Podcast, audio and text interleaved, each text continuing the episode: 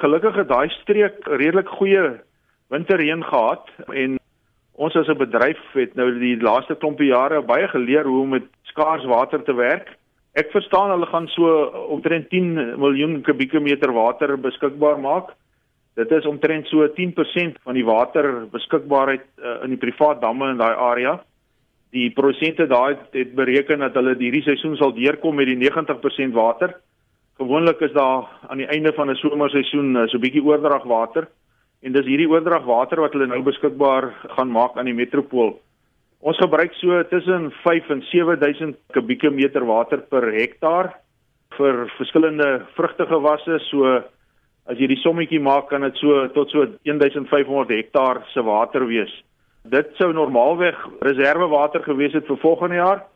So die hoop en die vertroue is dat daai water weer aangevul sal word in die winter. Maar op hierdie stadium uh, is die gevoel daar om dit uh, vir die metro beskikbaar te maak.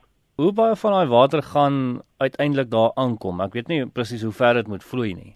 Wel dit dit word nou in die Palmiet uh, skema uh, rivierstelsel uh, vrygelaat uh, en daarvan af word dit dan nou oorgepomp na die Steenbrasdam toe. So as alles volgens plan verloop behoort 100% van daai water in die Steenbrasdam te beland.